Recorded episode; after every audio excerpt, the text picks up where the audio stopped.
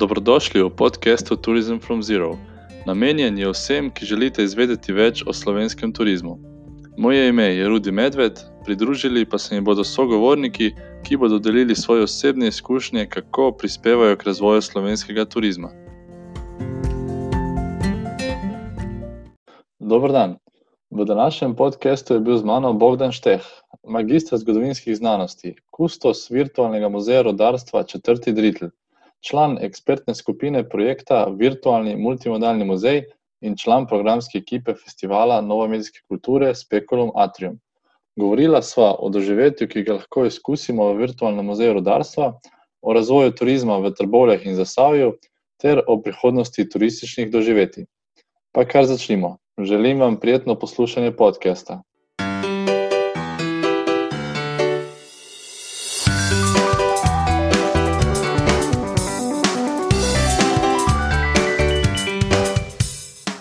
Pozdravljen, Bogdan. Lep pozdrav. Prosim, povejte nam najprej, kaj točno pomeni beseda dritl.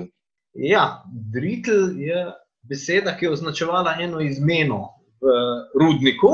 Izhaja seveda kot mnoge zasavske besede iz nemščine. To pomeni eno tretjino, ker v rudniku se dela 24 ur na dan, razdeljen so bili pa na tri izmene, jutranjo, popoldansko in nočno. Mi lahko opišete, kaj vse lahko vidimo v virtualnem muzeju rodarstva, se pravi v četrtem ritlu. Naš koncept, ki smo ga pripravili za to uh, razstavo, je bil takrat, da uh, ponudimo pogled v življenje rudarja, v njegovo delovno okolje, predvsem, da vse čute človeške vključimo v to izkušnjo.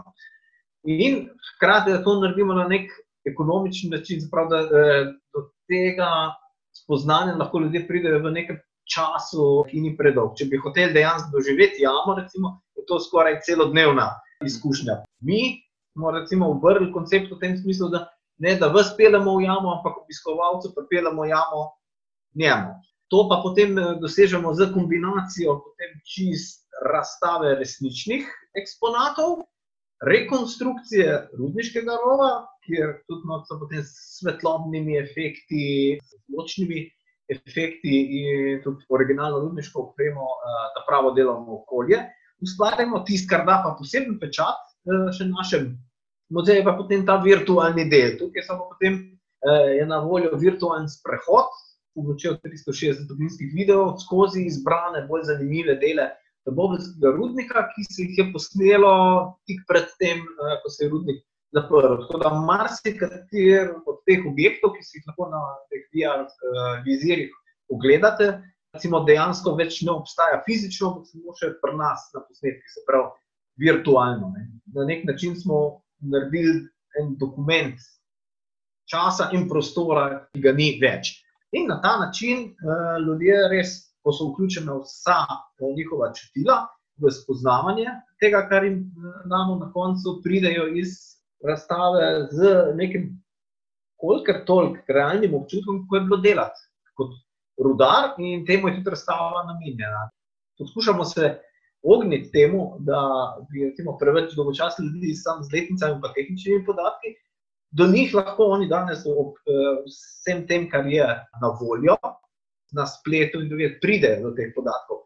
Kar pa oni sami ne morejo, ne morejo priti do tega realnega občutka, kako je bilo delati. To pa mi tukaj omogočamo z kombinacijo in tega, kar je resnično ostalo za rodarjem, in z novo medijsko tehniko in vizualnim pristopom. Približa potem temu, kar je bilo realno delo rudarjev. Ja. Zelo zanimivo. Ponujate pa tudi pobeg iz rudnika, če se ne motim. To je tudi ena vaša dejavnost. Ja, to je pa potem, recimo, temu nadgradnja. Gre za igro, ki temelji v izhodišču svoje na principu sobe pobega.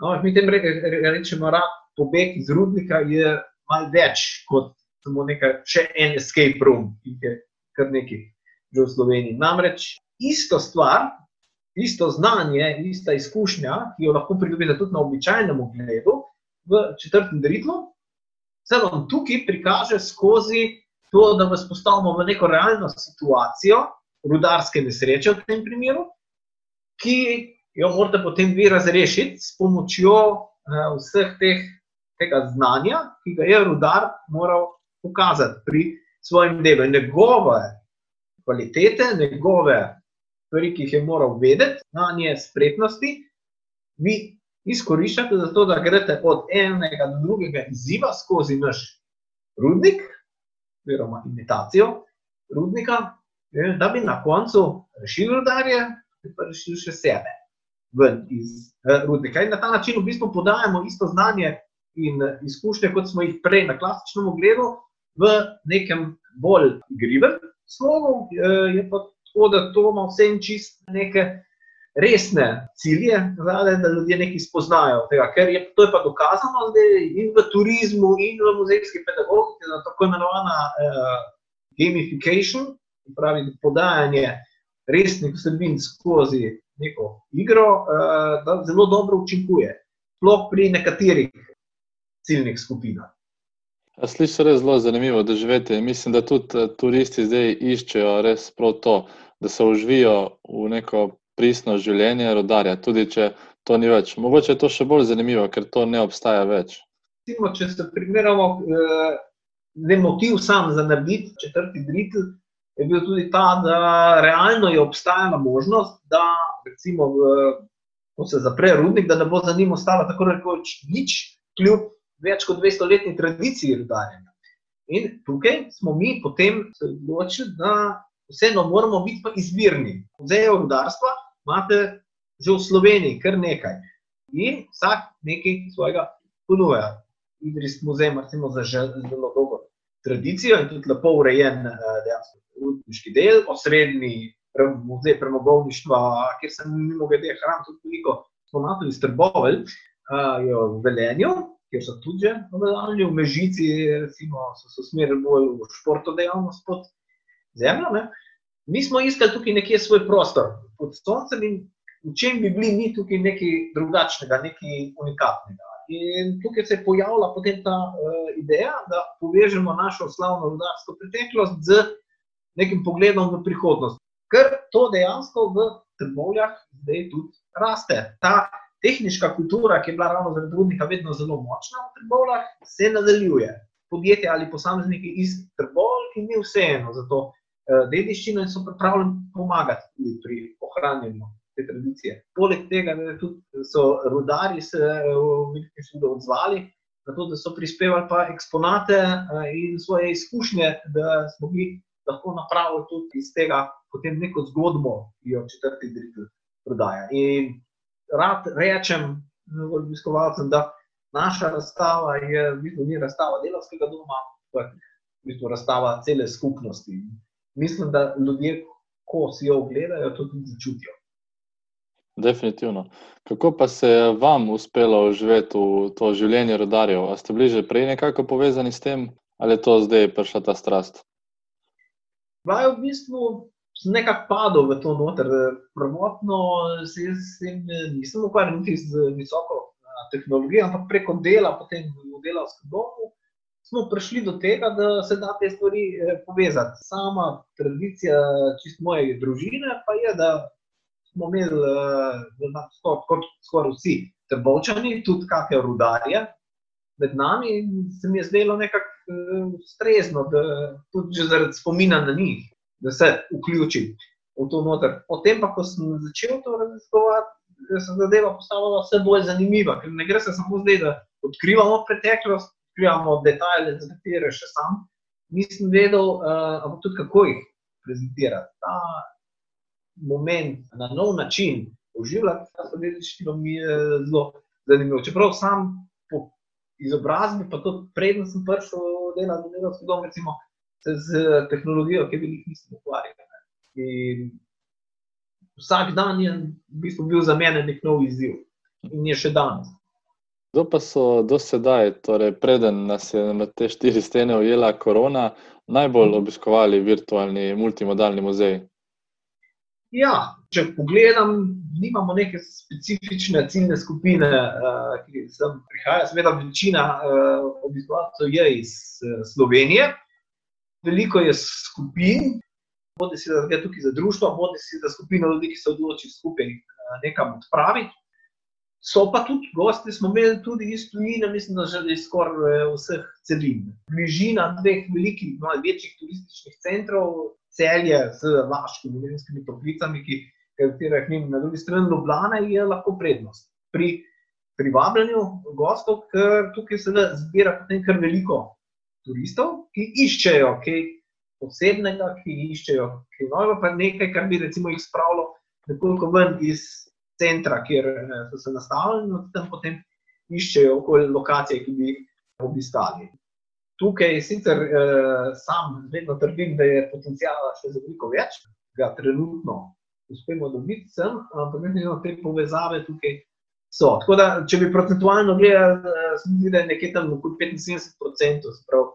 Dobre, tri četrt gostov je domačih, ostalo je pa tujina. In pa, kar eh, mi je zelo ponosno, ko dobijo kateri trgovčani na obisk, koga v trgovle, je Dritl postal že skoraj vedno točka, ki jo radi pokažejo.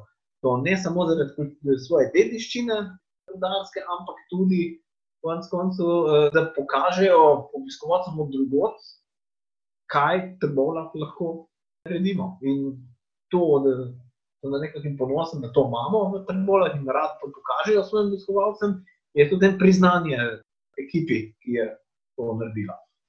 Tukaj bi se taknil še tega, kaj pa še lahko vidimo v Trboljah in kako se vi povezujete z neko to lokalno turistično ponudbo. Ja, delovski dom Trbovne med drugim tudi ima pod svojimi dejavnostmi turistično promocijo, kot turistično vodenje.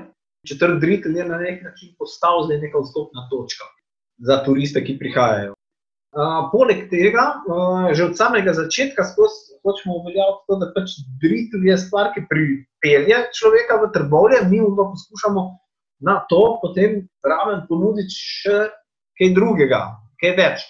Je mnogo skupin organiziranih, ki pride v četrti dritev, pride v trbovje za cel dan. In mi se potem z njimi posebej dogovorimo in se poskušamo prilagoditi njihovim željam kaj vse bi še radi videli v tistem dnevu v Trbovljah. In za videti je, kaj že uh, obisk starih rudniških kolonij, ta izkušnja rudarstva, ključno s kolonijami, uh, je omejena uh, v bistvu samo na te skupnosti, ki so dejansko živele z rudnikom izven tega. Te zadeve niso tako samoumevne, niso tako poznane. In to ljudi zelo prepriča, potem videti nekaj, kar je novega. Mnogi so tudi presenečeni, ko pridejo tako le, da vidijo, koliko zeleno je naše mesto. Nek stereotip o Trbolah je, da je to neka uh, industrijska krajina, siva, pusta, propadla, pa vidijo, da ni čisto tako. Da ne govorimo o tem, žal, trenutno še precej neizkoriščenem potencialu največjega dimnika industrijskega v Evropi. Ponavadi smo pa s skupinami zaključili tako nekako sobotno popoldne, pozno kosilo, a pa zgodne večerje. Dejansko vidimo, tle, da je potencial, da tako le, vsaj za, dne, za dnevnega gosta, bo lahko zapolnil tako rekoč cel dan. Tako da ture po trbolah, to je skoraj obveznost, da tiste, ko pridejo. Mal še šepa nam mogoče ta eh, podava, da bi nekoliko dlje zadržali tudi gosta. Dan, dva, mogoče tudi za en podaljšan vikend. Ampak glede tega, mislim, da se zadeve premikajo zdaj eh, na bolje v okviru Interreg projekta Slovenija-Hrvaška se izvaja operacija Inspiracija, ki jo vodi občina Trbovlja skupaj s partnerji iz Slovenske bistrice, Labina in Reke in pripravlja se zdaj, mislim, da je zaključni fazi tudi končni turistični produkt, ki bo povezal te štiri krajine, ki na nek način so bile povezane že tudi odprej Labin in Trbovne kot dva centra uh, rodarjenja, na drugi strani Slovenska bistrica kot center umetno vrtili in furmanstva, ki je bil tudi povezan, ker nekdo je mogel pripeljati marsikaj v Trbovne, sploh preden je železnica prišla, dočim premog tako iz Labina kot iz Trbovelj se je uporabljal v industrijskih obratih na reki. Da, te povezave, ki so nekoč bile obnavljajo in bojo na turistični nivoju.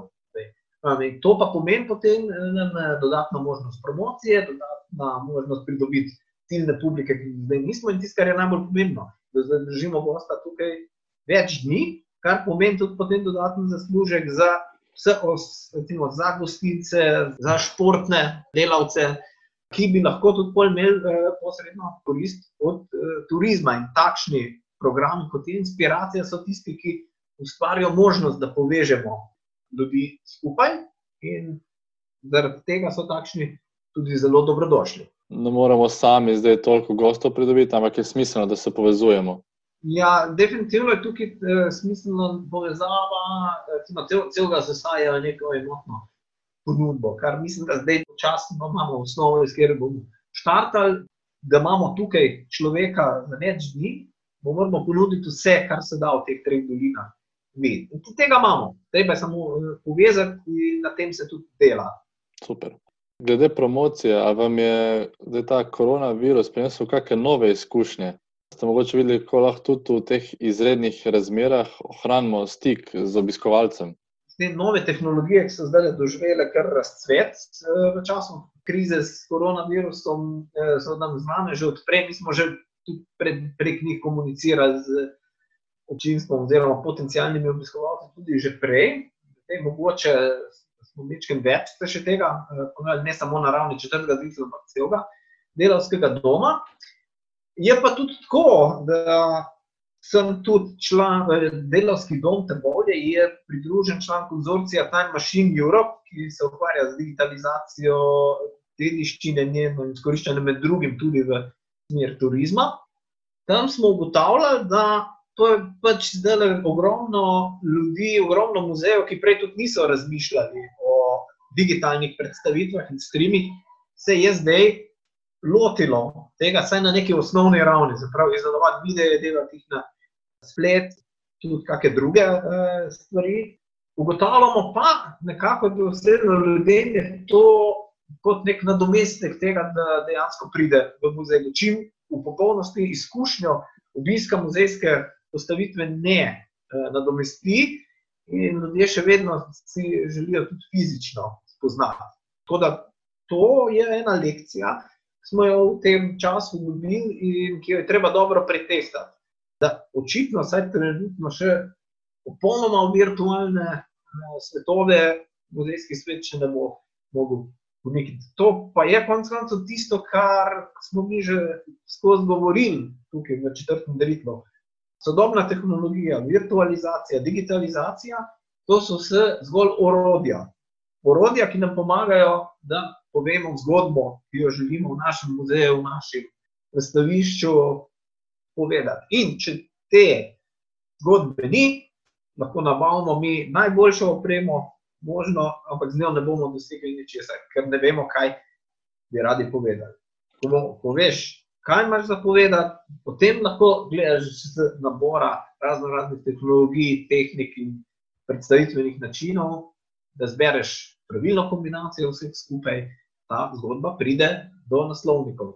In če računate, da znotraj teh naslovnikov je ogromno skupin, vsaka z nekimi svojimi prednostmi, obljubostmi, željami, več kot vi obvladate medijev, bolj ko veste, kaj kak medij ponuja, več je možnosti, potem, da boste pravega izbrali in da bo prišlo sporočilo tudi naprej do naslova. Se strinjam, najprej za vse mora stati eno sporočilo, zgodba, s katero lahko pritegnemo nekoga, in potem so le vse to orodja, ker jim spol pomagamo, da res lahko še doživetje izboljšamo. Oziroma, pritegnemo še druge obiskovalce, ki jih to bolj zanima. Ne. Nekateri so mogoče bolj za neko virtualno izkušnjo, če lahko menim, tudi zdaj se to dogaja, da če dalje več išče to. Ampak mislite, da enkrat pa lahko virtualna potovanja nadomestijo neka ta fizična, ki jih zdaj poznamo? Ja, Izdelati izdela jo seveda lahko, tudi eh, popolnoma virtualno kopijo vem, Rima, Benetsk, eh, velikega kanjona, ki ga boste lahko s sodobno tehnologijo obiskali. Eh, ampak kot sem rekel, kar je nauk tega časa, ki smo ga zdaj živeli, je, da to ljudi sicer poteši malo vedovednosti, jih zaposli za takrat in ne zanimivo, ampak ne zmanjša pa njihove želje, potem, da bi to videli dejansko s svojimi očmi. In Mislim, da v naravi ljudi je vedno težimo resničnim dokazom. Zato, kar se mene tiče, virtualna tehnologija nam pomaga tam, kjer recimo z klasičnimi sredstvi več ne moremo doseči. Istega učinka pomaga nam dodatno obrazložiti stvari, ki jih fizično ne moremo prezentirati, lahko nam pomaga pri tem, da je izkušnja obiskovalca boljša, samega fizičnega artefakta pa ne more še nadomestiti. Jaz mislim, da ga tudi nikoli ne bo ravno ne iz razlogov, da to tehnično ne bi bilo zmožno, ampak je v človeški naravi, da teži pristnem stiku in mislim, da s tem ni tudi nič narobe. Uh, Seveda pa ne smemo iti pa tudi drugo skrajnost, da pa popolnoma ignoriramo tehnološki napredek in to žal v Sloveniji nekateri uh, tukaj dokaj uspešni pri tej ignoranstvu, ampak to na dolgi rok ne bo nikamor uh, pripeljano. Ker nagovarjati publiko, ki je odrasla ob pametnih telefonih in raznih IKT sredstvih, z metodami, ki so 30-40 let stare, to ne bo šlo. In naj vas presenetim, virtualno izkušnjo, ki jo imamo tukaj dol v našem muzeju, tudi starejši nimajo s tem nobenih problemov, so radovedni, čas celo prej kot kakšni mlajši. Posežejo potem, ker jim ni to samo zdaj, odkrivanje tega podzemnega sveta, kar delajo to VR opremo, ampak dejansko odkrivajo tudi novo tehnologijo. Pri nas nikoli nismo rekli, da vsa zadeva dol ni tudi neka promocija oziroma predstavitev novosti z tehničnega področja, da vidijo, kaj z to tehnologijo danes lahko že vse dosežemo. Menili ste, da večino imate slovenskih turistov oziroma gostov. Kako jih mislite privabljati v letošnjem poletju, ki se zavedamo, da večinoma verjetno bodo slovenski obiskovalci? Ja, bolj kot ne bojo slovenski obiskovalci, čaka nas kar velik dela. Tole zna, zdaj je tako, kar precej zarezalo v naš ustaljen način dela. Na nek način lahko rečete, da kako leto, dve promocijskih aktivnosti, ki smo jih mi delali, da bi privabili tam obiskovalce, hitro izpuhti. Treba se zdaj čisto na novo zorientirati, najprej sploh spraviti ven v javnost zavedanje, da mi smo odprti, da lahko sem pridemo. Zdaj, pri virtualnih sredstvih je še ta dodatni problem, da bo treba zdaj poleg tistega straha, ki je vedno bil prisoten za uporabo novih tehnologij, zdaj, koliko je to tudi higienično.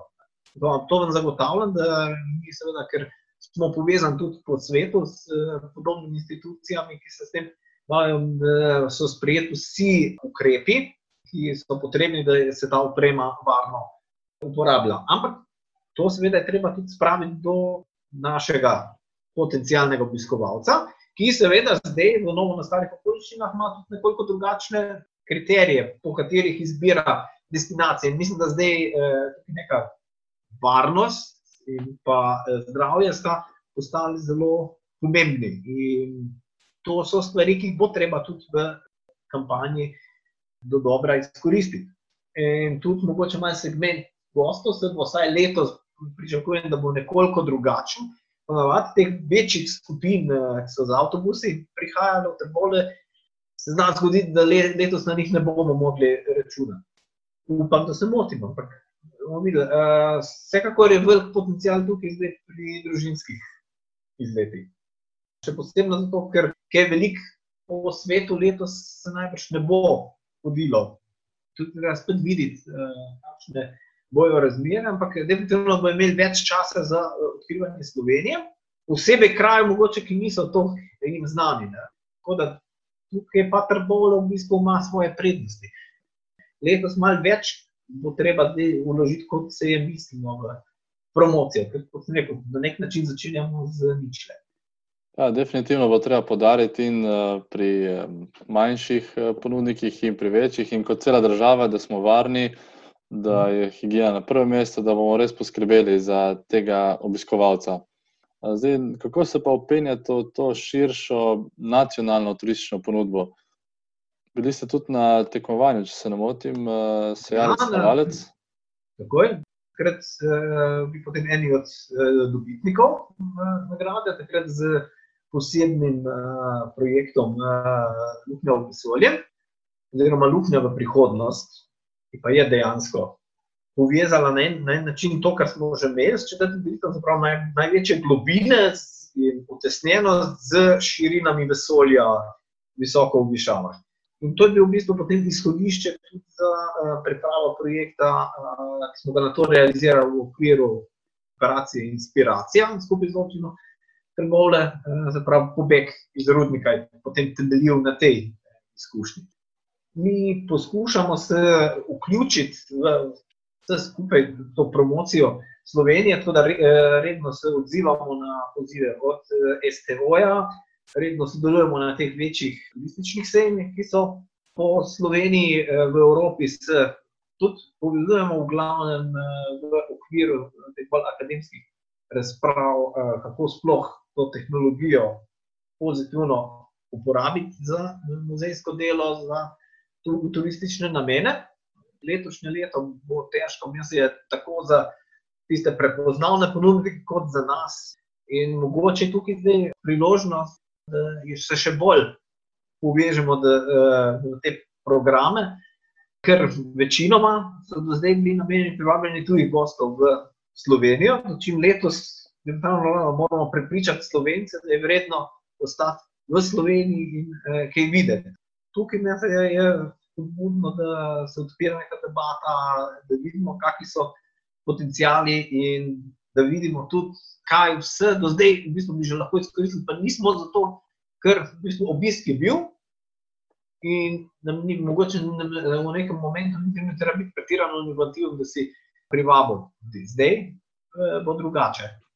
In tukaj tisti, ki bojo bolj, bolj iznajdljivi, bolj prožni, hitreje reagirali, eh, bojo lahko tudi hitreje popravili eh, zadeve. In tukaj pa, zdaj na ravni Recimo, jaz vidim smisel tukaj, da bi se na slovenski ravni vsi rudniški muzeji kako inicijativo povezali. Ja, to, to sem že imel v mislih, ne, da bi se res povezali vsi te naprimer, podobni ponudniki med seboj, zdaj rudniki, gradovi, taki, ja, rekel, ker eh, imajo podobno ponudbo. Ker je tako, da sicer, eh, kot sem rekel, na nek način smo podobni muzeji, pa tudi ne, ker, eh, kot smo že prej ugotavljala, da vsak ima svoj pristop k temu, kar je v redu, ker v bistvu, v bistvu si enega, ampak nisi potem videl, karkoli bi bilo tisto na kjer drugi lokaciji. Tako da vedno je motiv, da gremo pogledati še kaj drugega naprej. Se strinjam, ker naprimer v Velenju se osredotočajo predvsem na kulinariko v rudniku, mežica na športne aktivnosti, vi pa potem na tehnologijo, kar je polen cel sklop, v bistvu lahko vidiš v vseh teh rudnikih.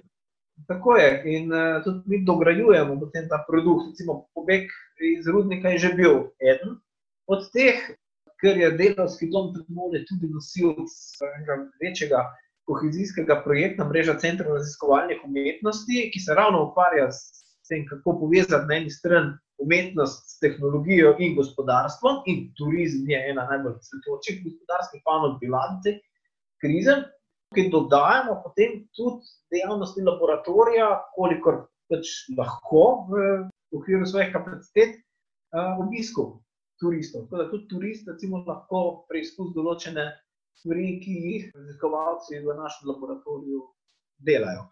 In uh, ravno ta povezava na eni strani turizma, potem tudi z znanostjo in tehnologijo, je nekaj, kar je tako v trbovljah recimo, ta tehnologija in prebivalstvo sta bila povezana že prej, in to se zdaj tudi nadaljuje z novimi tehnologijami. In na nek način tisto, kar smo enkrat označili kot trbovlje, novo medijsko mesto, se zdaj dejansko uresničuje v praksi. In to je tisto, bistvo, kar želimo kot skupek ponuditi.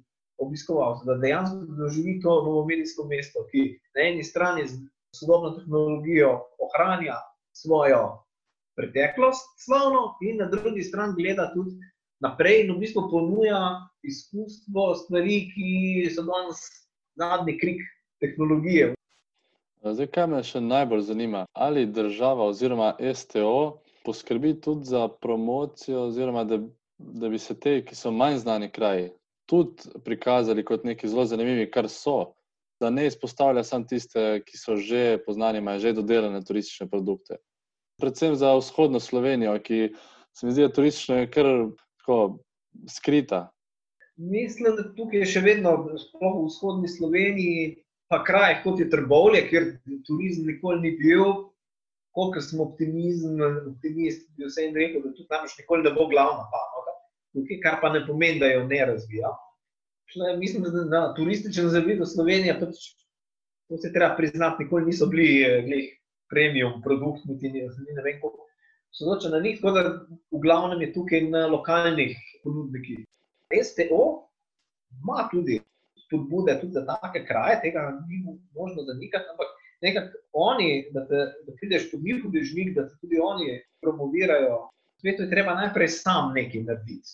Če pokažeš, da imaš produkt, ki je sposoben privabiti to, pa to obiskovalcev, je si potem postaneš zanimiv tudi za in večje operaterje in nacionalno turistično organizacijo, ker to pomeni, da lahko še to pa to več ljudi vidi, ker na koncu koncev bo vedno odločilo, da bojo številke. In STO, seveda, popolnoma razumljivo, se bo osredotočil na zadeve, ki prenašajo obiskovalce in te obiskovalce tudi pustijo to patok kapitala.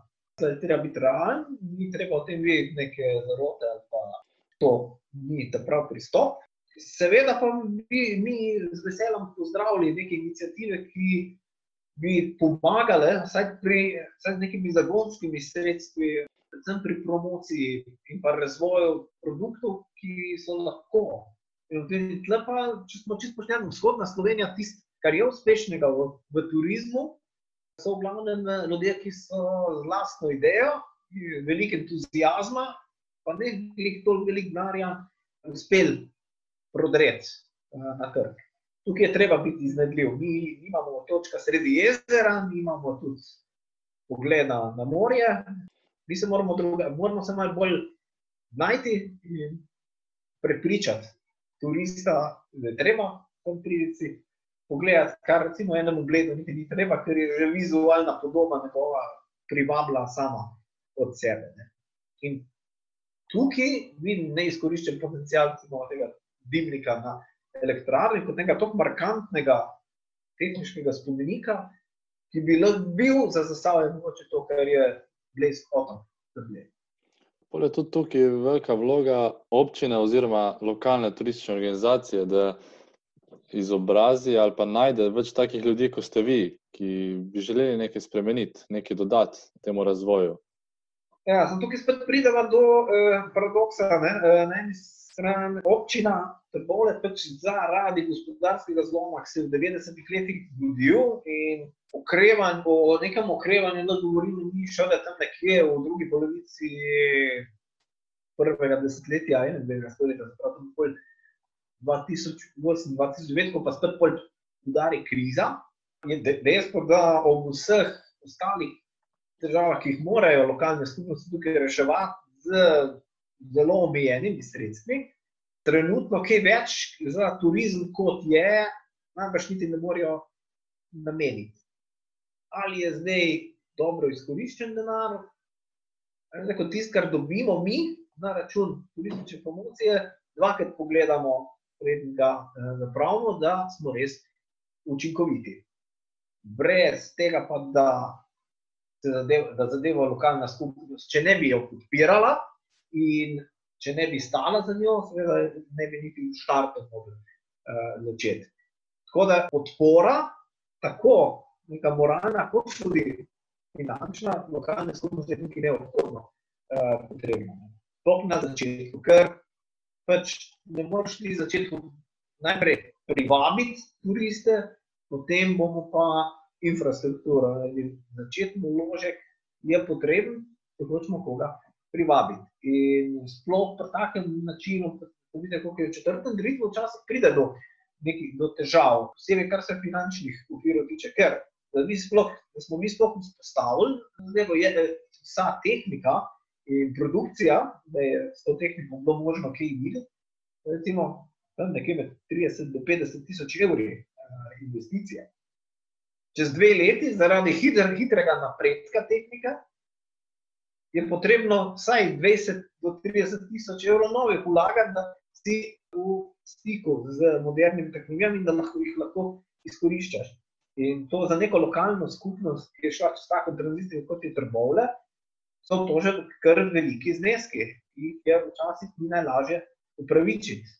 Je pa nujno, če se hočemo iti te stvari. Tako da tukaj na eni strani moramo razumeti eh, lokalno skupnost, da so sredstva omejena, na drugi strani Eh, žalostno dejstvo je, da če pa ne vlagaš, znotraj hitro postaneš nerelevanten oziroma zastarel in ne, ne moreš kljub temu, da imaš zasnovo neko eh, vsebinsko, ne moreš tega speljati, ker pa tehnološko eh, nisi sposoben držati koraka s časom.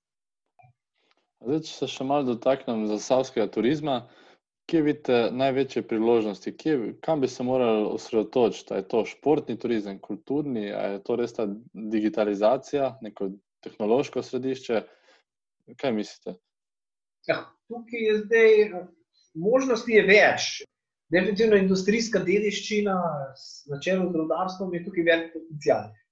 Izkušnja, ki jo imamo mi tukaj z rodarstvom in nam samo umevna v zasavju, je tako samo umevna, že če greš tam malo naprej od Olimpije. Te ljudje iz ostale Slovenije tega niso doživljali. In jim je to nekaj novega in zanimivega, to jih pritegne. Sem. Kar pa seveda ne pomeni, da bomo zdaj samo uh, kazali uh, jamo, tisto, kar je ostalo od uh, rudarske dediščine. To je za en segment kupcev. Potem uh, imate pa seveda potencijale, ki se tukaj odpirajo z uh, pohodništvom, športnimi aktivnostmi, mountain bike, recimo, zelo popularen v Trbolah in okolici v Zagorju. Ključno pa, po mojem mnenju, bi bilo tukaj zagotoviti neko turistično lokacijo, kjer se lahko dlje časa ljudje zadržujejo in odkudar potem hodijo po Sasavju in obiskujejo še druge točke, ki mogoče jih ne bi zadržale za več kot par ur. Tukaj mi je vedno težko gledati, da edini objekt, ki je dejansko imel potencial za kaj takega v Zasavju, smo pustili še kar puščamo propadu, govorimo o medijskih toplicah, ki bi lahko bile izhodišče za vse ostalo v zasavskem turizmu, ampak vemo, v kakšnem stanju so. Mislim, da smo zdaj poslušalcem kar dosta zelo vedali za obiski zasavja. Mogoče bi podali še nekaj napotku, kje vas lahko najdejo, se pravi četrti dritl in uh, kako ga lahko rezervirajo, morajo naprej rezervirati. Ja, zdaj, v trenutni situaciji je tako, da treba preko uradnega maila info.afna4.si. Oziroma, vse podatke o naših kontaktih so na spletni strani 4.si. Se dajmo najaviti, da bo eh, obisk. Kar je naša prednost, je, da tukaj smo tako rekoč vsak dan in vi, če se nam najavite, se bomo tudi pripravili na vaš obisk. Se pravi, mi smo prilagodljivi, kar se tega tiče, nimamo fiksnih ur, pravimo maksimalno se prilagoditi tudi gostov. Samemu lahko se slišimo in po telefonu, telefon, ta številka je na letni strani, tako da praktično ni termina, ker se ne bi mogli dogovoriti.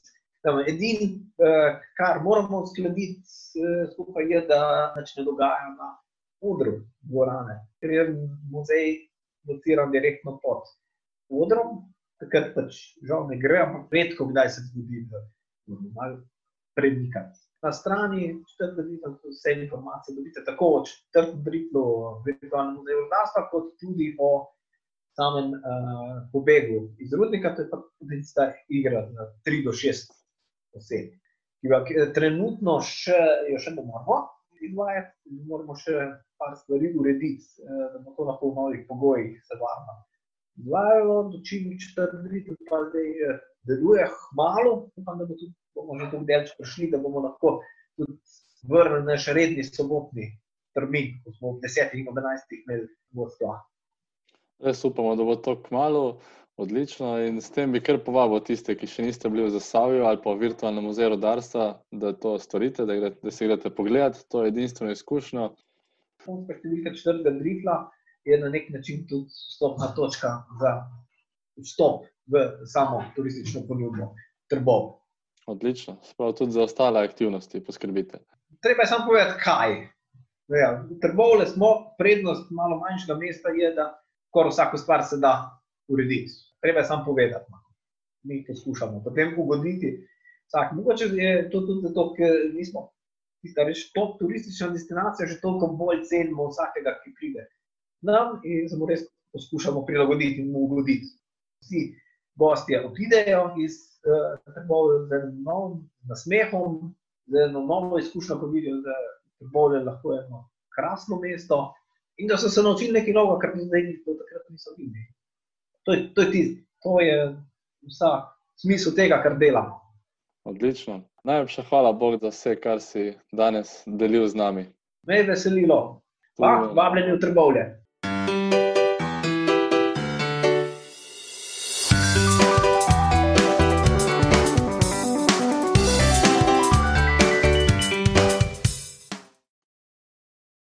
Hvala vsem, ki ste poslušali današnji podcast. Vabim vas, da na družbenih omrežjih Instagram in Facebook sledite inicijativi Tourism from Zero, ki izbira vaše ideje, kako zaštartati turizem iz ničle. Vabim vas tudi, da delite ta podcast naprej svojim prijateljem in znancem, da razširimo zgodbe slovenskega turizma. Se slišimo v naslednji epizodi.